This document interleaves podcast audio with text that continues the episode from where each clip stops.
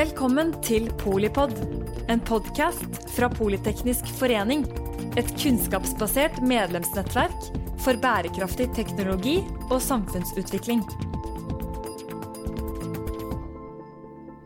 Den norske vannkraften er ryggraden i det norske kraftsystemet. Det har den vært i over 100 år. Men nå står vannkraften overfor et veiskille. Mange anlegg trenger modernisering og oppgradering. Samtidig foregår det en energirevolusjon i markedet. Ny fornybar energi fases inn, og fossil energi fases ut. Hvilke konsekvenser får dette for den norske og nordiske vannkraften? Hvordan kan vi sikre at samfunnsverdiene som denne rene og fornybare ressursen har bidratt med i over 100 år, ikke forringes? Hvordan kan forskning bidra når teknologien og anleggene er så gamle som de er? I denne podkastserien, som er et samarbeid mellom Politeknisk forening og det europeiske forskningsprosjektet Hydroflex, skal vi utforske disse spørsmålene. I løpet av episodene skal vi snakke med ulike mennesker som alle jobber med vannkraft på den ene eller den andre måten. Vi vil vite mer om hvordan få mest samfunnsverdi ut av vannkraften i Norge. I denne første episoden vil vi snakke om vannkraftens historie. Hvordan og hvorfor har vannkraften blitt så viktig i Norge? Eh, vi går historisk til verks og undersøker hvilken betydning vannkraften har hatt for samfunnsutviklingen i Norden og utviklingen av det nordiske energisystemet. Historien viser at teknologiske muligheter, hensyn til natur og miljø og politiske og ideologiske strømninger har formet vannkraften og dens rolle i det nordiske energisystemet. Hvilke forhold er med på å forme hvilken rolle vannkraften kan få i fremtidens nordiske energisystem? Jeg har med meg Ann Myhre Østenby fra NVE og Halvor Christian Halvorsen fra Hafslund Ekko. Og jeg heter Hanne Cecilie Geirbo og er styremedlem i PF Energi. Så da begynner vi. Eh, og da lurer jeg på det med altså, Vi snakker ofte om at vannkraften bygget landet. Eh, liksom, hva var det som gjorde at det ble bygget ut så mye vannkraft i Norden i sin tid, og hva var egentlig motivasjonen for det? Jeg kan starte, an. Gjør det, du har. Eh, Norge har jo naturgitte forhold som er veldig godt egnet for vannkraft. Vi har for det første mye nedbør, vi har høye fjell, og så har vi en sterk berggrunn som det er lett å bygge vannkraftverk på, eller anlegg på. Og disse naturgitte forholdene, det var noe som toneangivende politikere så på slutten av forrige århundre, altså det 18. århundre. Eh, eh, sånn som Gunnar Knutsen, eh, som etablerte Laugstol bruk med elektrifisering der i, på, i 1890-tallet. Og dette ble en mulighet for norske politikere å utnytte til industriformål og til velferdsformål generelt. Så det, var, det er på en måte det fysiske utgangspunktet. Så traff det veldig godt med en teknologisk utvikling med elektrisiteten på midten av 1800-tallet og framover mot 1900. Og det var jo spesielt på slutten av 1800-tallet som du sier, at det begynte å komme også eh, kraft til Eh, forbrukere. Og da var det egentlig to forskjellige typer eh, forbrukere som var kunden. Det var enten til eh, abonnenter som bodde i området, eller så var det til industri. Og den delen med industri har jo vært toneangivende for Norges utvikling og den industrielle utviklingen i Norge. At man har hatt tilgang til ren kraft. Um, og billig kraft, som har kunnet gi energi til industrien. Mm. Hva har det betydd for hvordan samfunnet hvordan Norge ble sånn rent fysisk, egentlig? Altså, ja, det har jo blitt, eh, altså Den industridelen av det eh, den, den ga jo framveksten til industristeder som lå eh, avsidesliggende, men med de naturgitte forholdene på plass. Sånn som Rjukan f.eks. Der Sam Eide oppdaga denne muligheten med Rjukanfossen, og så ble et vassdrag bygd ut med Møsvann som et stort eh, magasin og med Vemork kraftstasjon først, som kom i 1907, var det vel, eller noe sånt. Og hvor eh, det, ble etablert eh, faktisk nye samfunn bare i løpet av noen, noen, få år. Og det var jo dette som politikerne så, at eh, fossene og vassdraget hadde veldig høy verdi. Og derfor så kom jo konsesjonslovgivningen allerede med panikklovene i 1906-2007. Mm. Og så ble de revidert, og så ble det på en måte et konsesjonssystem ut av det. Hva var det for noe, konsesjonslovgivningen? Eh, ja, det var en lovgivning som der det var en redsel for utenlandske investorer. At de skulle overta disse ressursene, og en ville binde eierskapet til eh, vannfallene til norske hender. Eller i hvert fall under norsk kontroll og styring. Eh, det var et mål med konsesjonslovgivningen, som har vært viktig og har vært egentlig et tema fram til den dag i dag, og som egentlig lever videre i den politiske debatten i disse dager. Og det er jo en grunn til at det heter panikkloven. Altså det sier jo litt om hvordan den loven ble til. Det her var jo en tid der mm, det var jo eh, mange bygder i Norge som ikke hadde samme kommunikasjonsmuligheter som man har i dag. Og, og de eide en gård som kanskje hadde et fossfall, og så eh, var det det man da kalte eh, var eh, fossespekulanter som dro rundt i landet og kjøpte opp fosser, altså rettigheter fosser, fra disse bøndene og gårdbrukerne. Og de visste jo ikke hva slags hvitt kull, som man har kalt det i etterkant, man satt på. Og, eh, og de fossespekulantene de hadde bakmenn i utlandet. Og vi snakker 1906 her. Mm. 1905 er et viktig år for Norge, og mange av disse bakmennene var svenske. Det er klart vi hadde en sånn frihetsfølelse rundt det også, som gjorde at man um, var ekstremt opptatt av at det, disse verdiene skulle beholdes på norske hender på det lange løp. Og det er jo denne hjemfallsloven som etter hvert kom. Der man, eh, hvis private, enten utenlandske eller norske, eier en, en viss andel av vannkraftverk, så skal det gå tilbake til stat og kommune etter en viss periode. Mm. Og da kom også det som du nevner med konsesjonslovgivningen, at det, man kunne ikke bare bygge ut et kraftverk. Man måtte få eh, lov av staten til å bygge ut det kraftverket. Og det mm. sa noe om hvor, at det er staten som har eierskap til ressursene og eierskap til å um, gi tillatelse til slike utbygninger. Det har jo vært også veldig viktig. Ja. Ifølge professor Lars Thue så er det to formende perioder i norsk uh, vannkraftutvikling. Og det er den første perioden fra 1906 til 20, 1920, hvor du hadde industrivekst, og det ble faktisk bygd veldig mange små kraftverk lokalt rundt omkring, som uh, lokale initiativrike politikere tok uh, og, og, og fikk bygd. Og så har den andre perioden, som var fra 1945 til 1965, hvor det ble en nasjonal strategi å, å skape arbeidsplasser til alle, og hvor vannkraftutbygging og utvikling av denne fantastiske naturressursen var en del av det å bygge landet etter krigen. Nå rykka jeg kanskje litt raskt fram, ja. men, eh, men, det er i hvert fall to formende perioder, da, ifølge historikerne, uh, i norsk vannkrafthistorie. Begge er jo knytta til det nasjonale. Når du snakket om disse bakmennene i Sverige og sånn uh, i 1906 og der omkring, og senere også etter krigen. altså Det er jo kanskje en kobling mellom ja, jeg vet ikke, det er nasjonsbygging i begge disse fasene? Da. Ja, det kan man jo godt uh, anta. Det er ikke urimelig, det. Nei. Ja. Også for politikerne så var jo utviklingen av velferdssamfunnet viktig. Eh, på, til og med på 60-tallet var det viktig å få strøm ut i de norske hjem. Tarjei Vesaas skrev jo om dette her da, under Tokk-utbygginga, som var så seint som på slutten av 60-tallet. At det var viktig Altså, vi ønsker ikke å bo i et museum, vi ønsker også å ha, ta del av den teknologiske utviklingen, også husmor. Eh, så dette har vært viktig for velferdsutviklinga, selvfølgelig, i Norge. Mm. Jeg nevnte de to periodene som Lars Thue sa var formene for norsk eh, kraftutvikling. og eh, Kanskje jeg skal våge meg til å foreslå en tredje formende periode, fra 1990 til 2010, hvor vi fikk ny energilov med liberalisering i 1991, og hvor på en måte du fikk en maktspredning i forvaltning, eh, politikk, der nye aktører kom fram som, eh, eh som betydningsfulle, sånn som Miljøverndepartementet, og Landssammenslutninga for vannkraft, vasskraftkommuner, LVK, og andre naturvernorganisasjoner som har hatt et større stempel på det. Det kombinert med markedsliberaliseringen, det gir nok et annet eh, politisk eh, diskusjon de neste 20-30-40-50 åra. Og det skal vi ha med oss eh, i den eh, utviklingen som vi går inn i nå.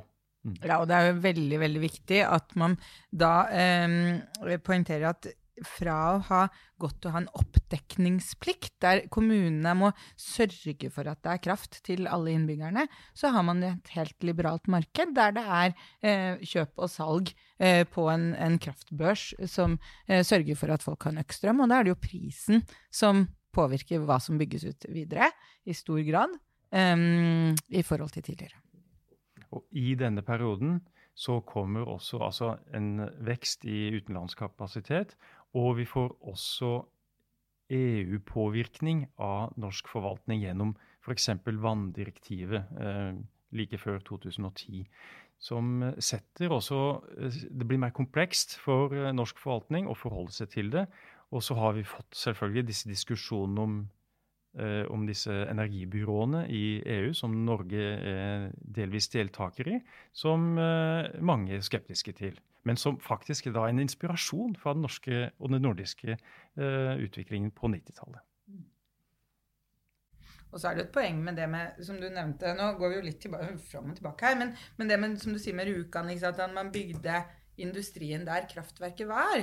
Og i dag så kunne vi jo fort tenke oss at ja, men hvorfor bygde du ikke bare en kabel, da, eller en ledning fra kraftverket til der du kunne putte industri, der det kanskje bodde folk som hadde lyst på arbeid, f.eks. Og det er jo et veldig viktig teknologisk utvikling, er at på den tiden, da alle disse bygdene ble til industrisamfunn, da hadde man ikke uh, teknologisk kapasitet til å overføre kraft av den uh, mengden over så store avstander.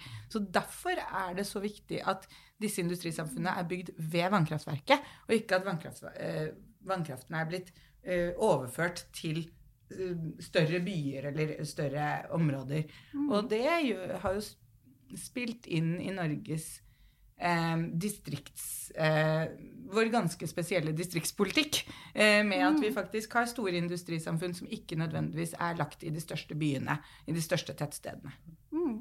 Noe annet som er veldig spesielt med Norge og energisystemet, er at det er så desentralisert. Vannkraftverkene ligger så spredt. Vassdragene ligger spredt, og vannkraftverkene ligger spredt. Og når en knytter disse vannkraftverkene sammen i et samkjøringssystem, så får det et utrolig sterkt eh, kraftsystem. Mm. Så det norske kraftsystemet er jo så godt sammenvevd og knytta sammen at det blir veldig robust, og forsyningssikkerheten er veldig sterk i det. Mm. Mm. Og den samkjøringen det er jo en, en idé som kom i 1919 allerede. Eh, da var det jo begynt å komme store kraftverk, i, spesielt i østlandsområdet. Så skjønte man at ja, det er ikke noe vits at alle disse kraftverkene har nok vann til å produsere til enhver tid, men at vi heller kjører de sammen. Mm. Så var det en kommisjon i 1919 som hadde et forslag om en samkjøring av kraftverkene. Mm. Og Det er interessant å snakke om, egentlig, fordi allerede i 1906 så var det kraftoverføring fra Kykkelsrud, altså i Glommavassdraget, og ned til Hafslund ved Sarpsborg. Og det var 43 km. Det var tidlig. Mm. Eh, så, og allerede i 1915 så hadde du jo en eh, sjøkabel mellom Skåne og, i Sverige da, og Sjælland i Danmark. Så, og i 20-tallet så var det norske diskusjoner som du sier, mm. om eh, norsk krafteksport. Mm. Så dette var en levende diskusjon helt fram til 30-tallet. Men på 30-tallet da, da, var det dårlige tider, og da stoppa veldig mye av utviklingen opp. Og NVE, der du jobber, de hadde jo nedbemanninger 19, på 1930-tallet. Så det sier litt om hvor vanskelig det var den gangen. Mm. Mm. Men da er vi inne på det der med det nordiske kraftmarkedet. altså Hvordan henger det norske og det nordiske sammen? Da var vi litt inne på hvordan det gjorde det sånn historisk sett. Ja, det begynte jo eh, allerede på ja, når var det? Etter krigen, med kraftoverføring til Sverige fra Nea.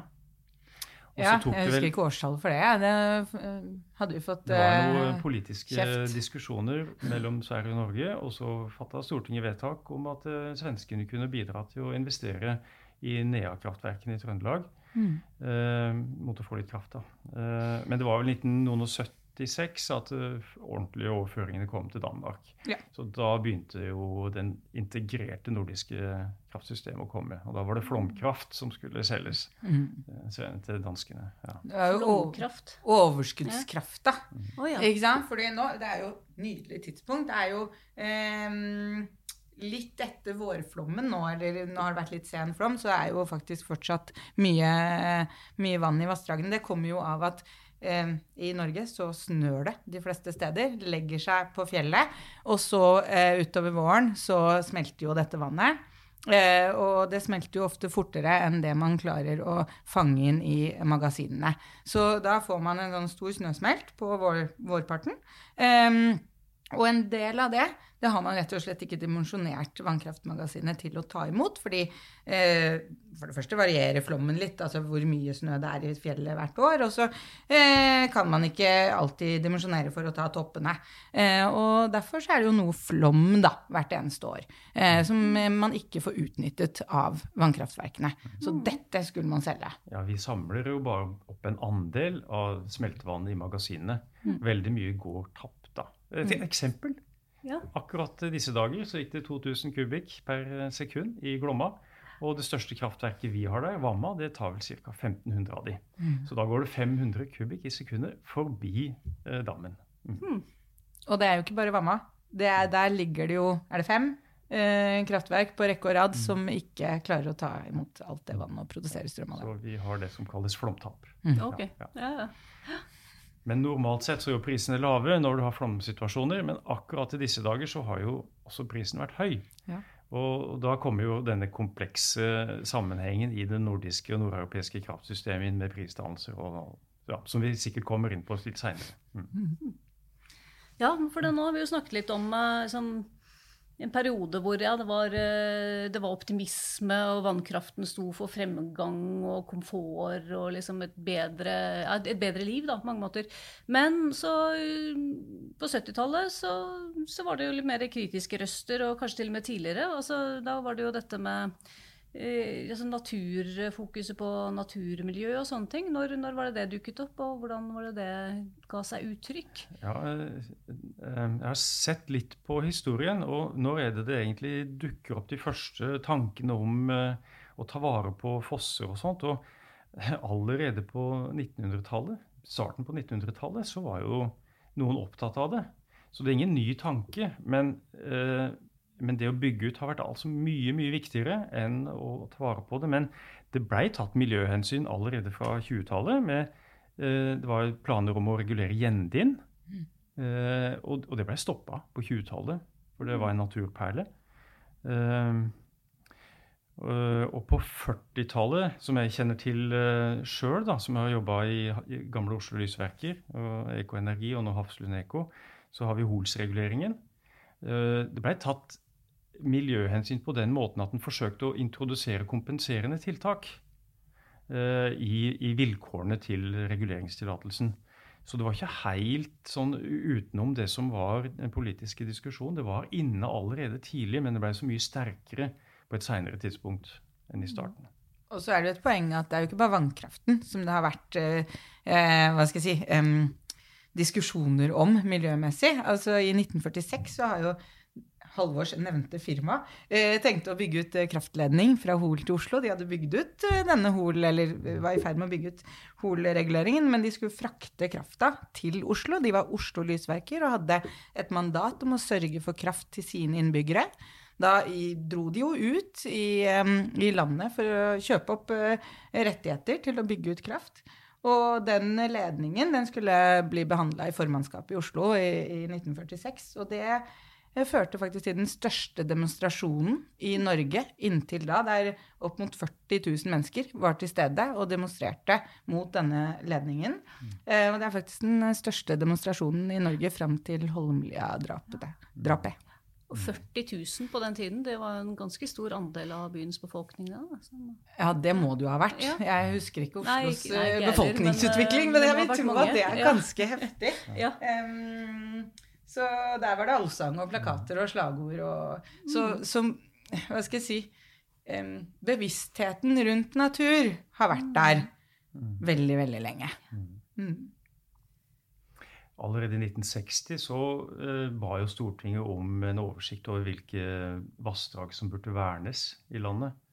Og uh, naturvern kom jo på dagsorden på 60-tallet, og i 1965 så etablerte vel NVE en naturvernseksjon, naturvernavdeling, med, med flinke mennesker som virkelig sto på for, for, for, for eh, naturvernet. Og eh, i min verden igjen, da, i gamle Oslo Lysverker, så bygde vi ut Uste- og Hallingdalsvassdraget på 60-tallet. Og, og der hadde jo NVE en stor, omfattende virksomhet med å rehabilitere vassdraget, som ikke ble tørrlagt. Hallingdalselva hadde jo gått med vann der. Men det ble gjort mange gode miljøtiltak for å skape vannspeil og for å bøte på ulempene med kraftutbygging. Og der ble det gjort en stor, omfattende jobb med, med Hallingdalselva. Mm. Mm. Og det var vel også på den tiden man begynte å verne større områder. Og i dag er det jo faktisk nesten 50 Altså det som tilsvarer en kraftproduksjon på 50 TWh, terawatt-timer, som er verna. Eh, I forhold til at det er bygd ut rundt 135. Ja. Så det er en stor andel av den ressursen som Norge har på vannkraft, er verna i dag. Ja. Eh, og det er jo en konsekvens av dette. Em, uh, dette fokuset. Ja. Og du har, du har jo nevnt uh, tidligere for oss uh, Mardøla og Alta-saken, som også var viktig da, for å sette dette på dagsorden. Og de verneplanene som du nevner, den første kom i 1973, og så har det jo vært uh, fire etter det, pluss suppleringer.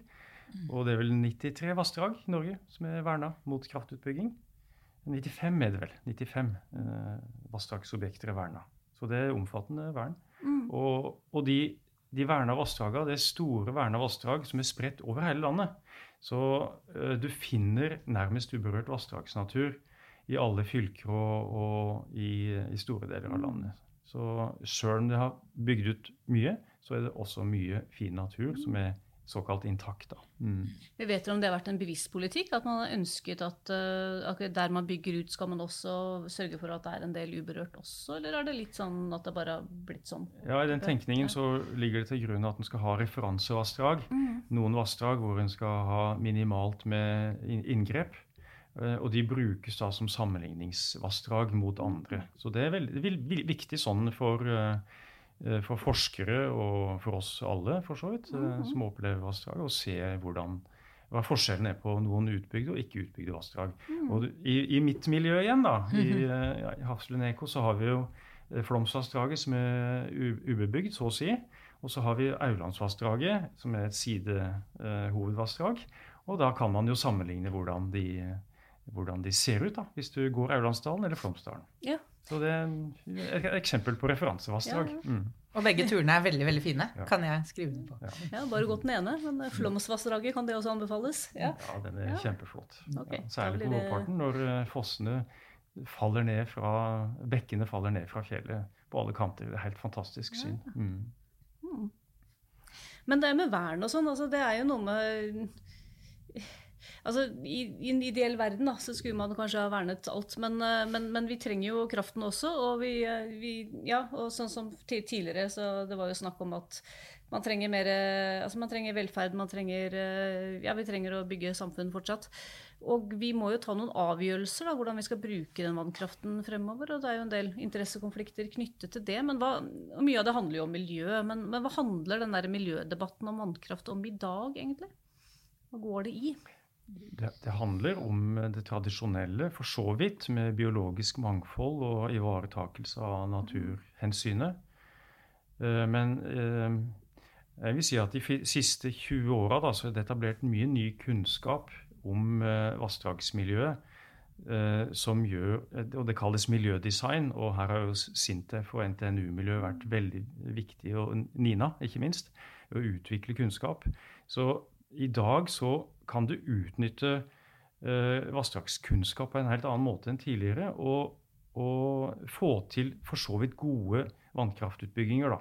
Veldig mye handler om hvordan vi skal utvikle eller ta vare på den vannkraften vi har. Jeg tror ikke det blir mye ny utbygging av vannkraft mm. de neste 30-40-50 åra.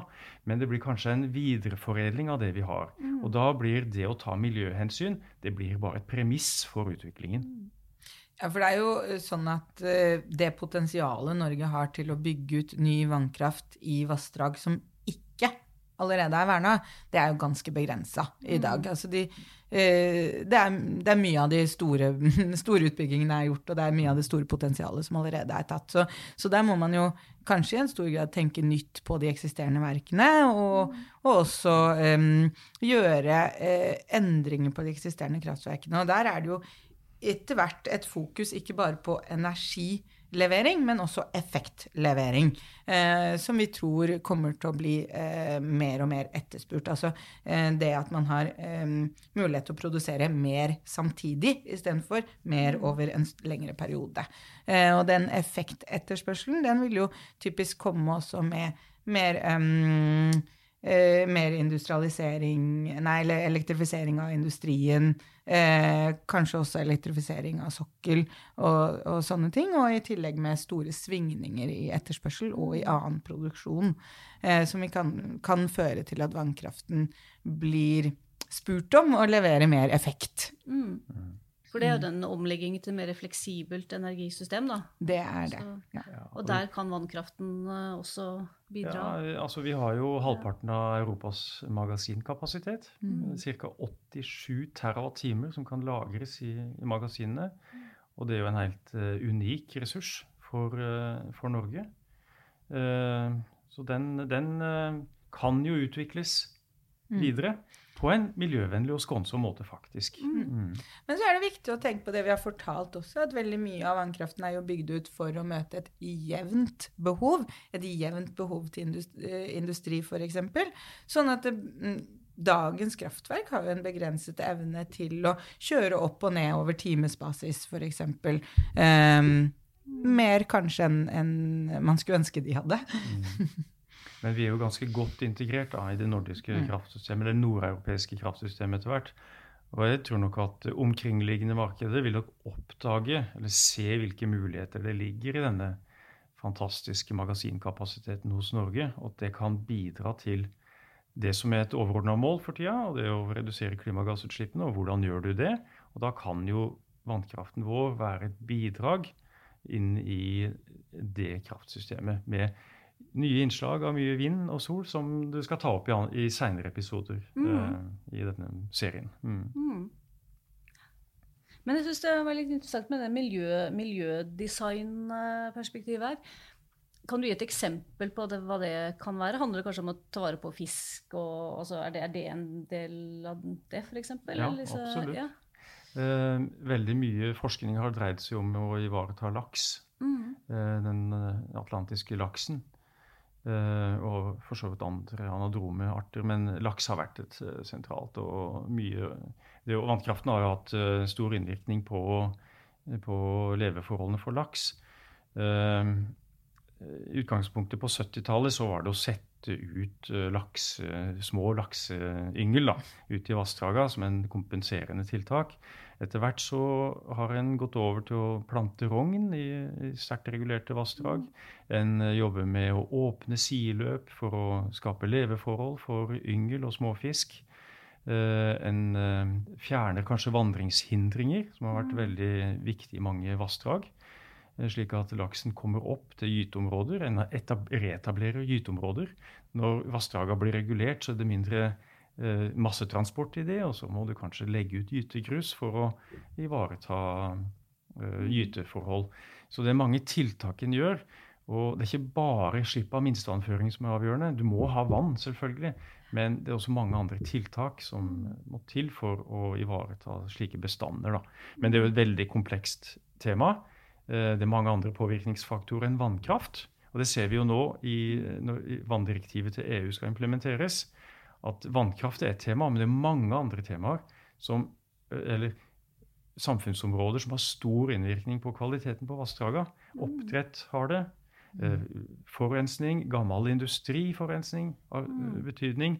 Så vannkraft er bare ett av mange temaer som påvirker vassdrag. Du har veiutbygging osv. osv. Urbanisering generelt. Og ikke minst at vi faktisk ser eh, resultatene av klimaendringer som fører til, iallfall ifølge våre analyser, mer vann i vassdragene.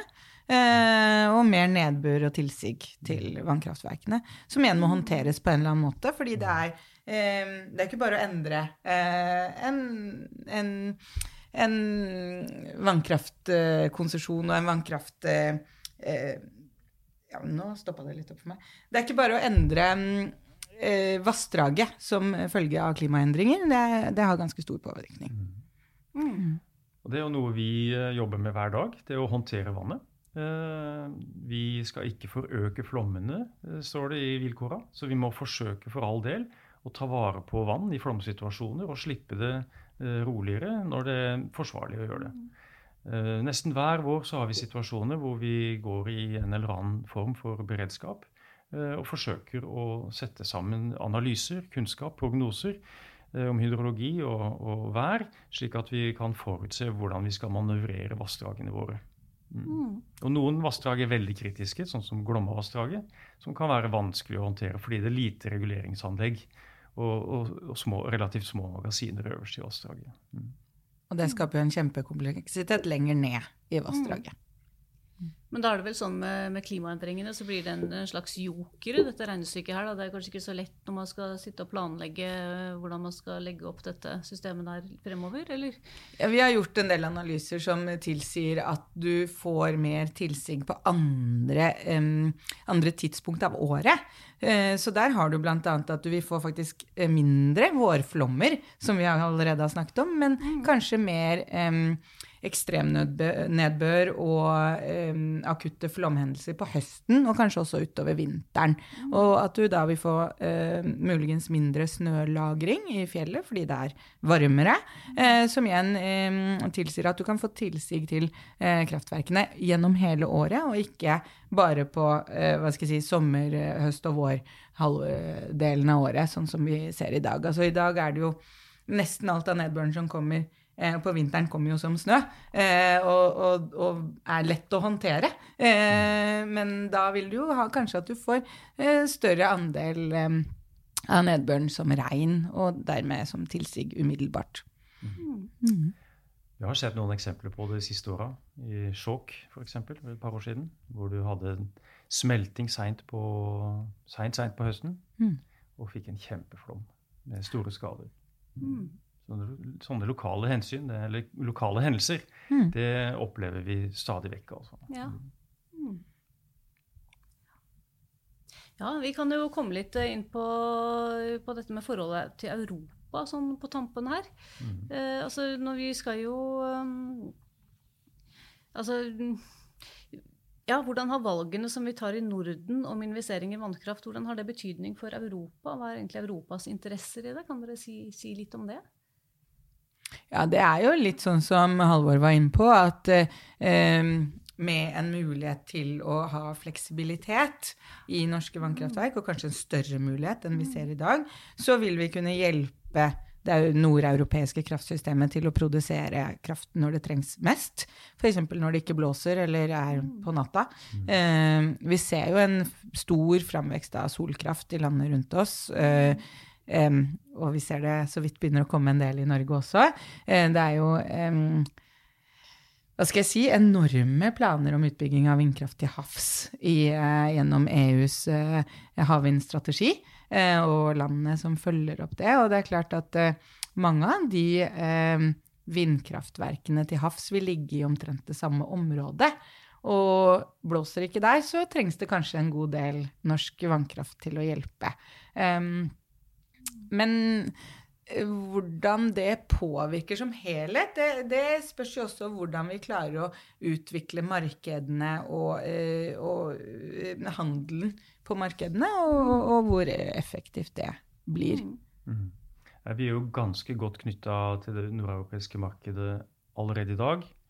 Og eh, sannsynligvis så vil det, vi bli knytta enda bedre til det etter hvert. Eh, og fordi vi skal delta i den klimaomstillingen som eh, mm. eh, vi, må, vi, må, gjennom. Og da får vi, og vi er allerede kobla til prisene i mm. Europa, vi får den prisvariasjonen også i, i, Norge. Så vi er på en måte i samme båten i hele Nord-Europa, vil jeg si, da. Mm. Mm. Ja. Så der vi er i samme båt, men det er kanskje noen kan være noen fordeler òg, kanskje, med å koble oss på? eller... Hvordan er det? Ja, vi er jo kobla på, da. Ja, vi er, men vi, vi, kan jo, vi, kan jo, velge å, vi kan jo velge å stoppe ikke sant? Mm. Og, og, sette begrensninger på videre utvikling. Og da vil jo vannkraftverkene som vi ser de i dag, de vil jo bestå og, og være der. Vi investerer jo godt og mye i, i rehabilitering av dammer for tida for å, mm. å ha eh, gode reguleringsanlegg for framtida. Så der gjøres en kjempejobb. Og generelt så er kvaliteten på norske vannkraftverk jo veldig, veldig høy. Og de har høy driftstid og oppetid, som det heter. Eh, så, så driftssikkerheten er veldig god. Eh, så det er ikke noe fare for, eh, for, for norsk vannkraft. Men skal du utvikle norsk vannkraft på en måte i det neste 50-100-årsperspektivet, så, så, er vi nok avhengig av en markedsadgang som er bedre enn den vi har akkurat med de 9000 megawattene som vi har i dag. Og det er, nok, eh, det er nok der den store politiske debatten kommer til å stå. Skal vi velge å integrere oss, eh, eller skal vi stenge oss inne? Og det er to ytterpunkter for bransjen. Mm. Eh, den ene, hvis vi skal stanse, så vil det jo være drift og vedlikehold av det eksisterende som er strategien. Hvis vi åpner oss eh, med nye markedsmuligheter, så vil det være utbygging av effekt, som du var inne på, som kanskje kan være en, en utvik god utvikling for, for bransjen framover. Og så er det jo et veldig viktig poeng at det er jo ikke bare eh, eksport vi driver med med vannkraften, eller kraftsystemet vårt som helhet. Det er jo ikke mer enn ja, Nå er det vel fort tre år siden, sommeren 2018, da, men eh, da vi hadde tørrår eh, som vi aldri har sett eh, maken til, og eh, høye eh, kraftpriser i Norge, og import. Eh, så vi bruker kablene alle veier. Det er ikke bare en eksportkabel. Og det gjør fordi vi har et et helt væravhengig kraftsystem. Så å si 100% væravhengig kraftsystem både på produksjon og forbrukssiden. Så, eh, eller iallfall privatforbruket. Industrien er ikke så væravhengig. Eh, så har man jo eh, også den eh, Man er litt utsatt fordi man ikke kan spå været så innmari langt fram i tid. Mm. Eh, og det er jo en, det er en, usikkerhet vi alltid vil ha ved å ha et væravhengig kraftsystem. Ja. Mm. Men oppsummeringsmessig da, så er jo mm. vannkraften den vil være en ryggrad i norsk kraftforsyning, slik det står i stortingsmeldingene. Og det er på en måte en evig ressurs for oss her i Norge. Mm. Vi har det. Og det er vanskelig å flytte det, mildt sagt. Eh, og så er det et aspekt til, at den er veldig klima, klimavennlig. Det er jo den produksjonsformen av elektrisitet som har lavest klimafotavtrykk. Og det å ta vare på den og utvikle den må jo være riktig eh, i, i lys av det. Og så har vannkraften veldig brei aksept i befolkningen. Det er noe folk mm. kjenner til. De, de, ser det nærmest hver dag rundt omkring i norske bygdesamfunn. Eh, og den er akseptert. Så grunnlaget for norsk vannkraft og framtida til den bør være det aller, aller beste. Mm. Og I de neste episodene så, så, skal vi da ta for oss hvordan eh, fleksibel vannkraft kan sikre forsyningssikkerheten og skape verdier. Så følg med på de neste episodene også. Eh, tusen takk til, til dere, til, til Ann og, og Halvor Christian, for at dere var med oss i dag. Takk for at du lyttet til Polipod fra Politeknisk forening. Få med deg flere episoder, eller bli med på nettverksmøtene som du finner på at polyteknisk.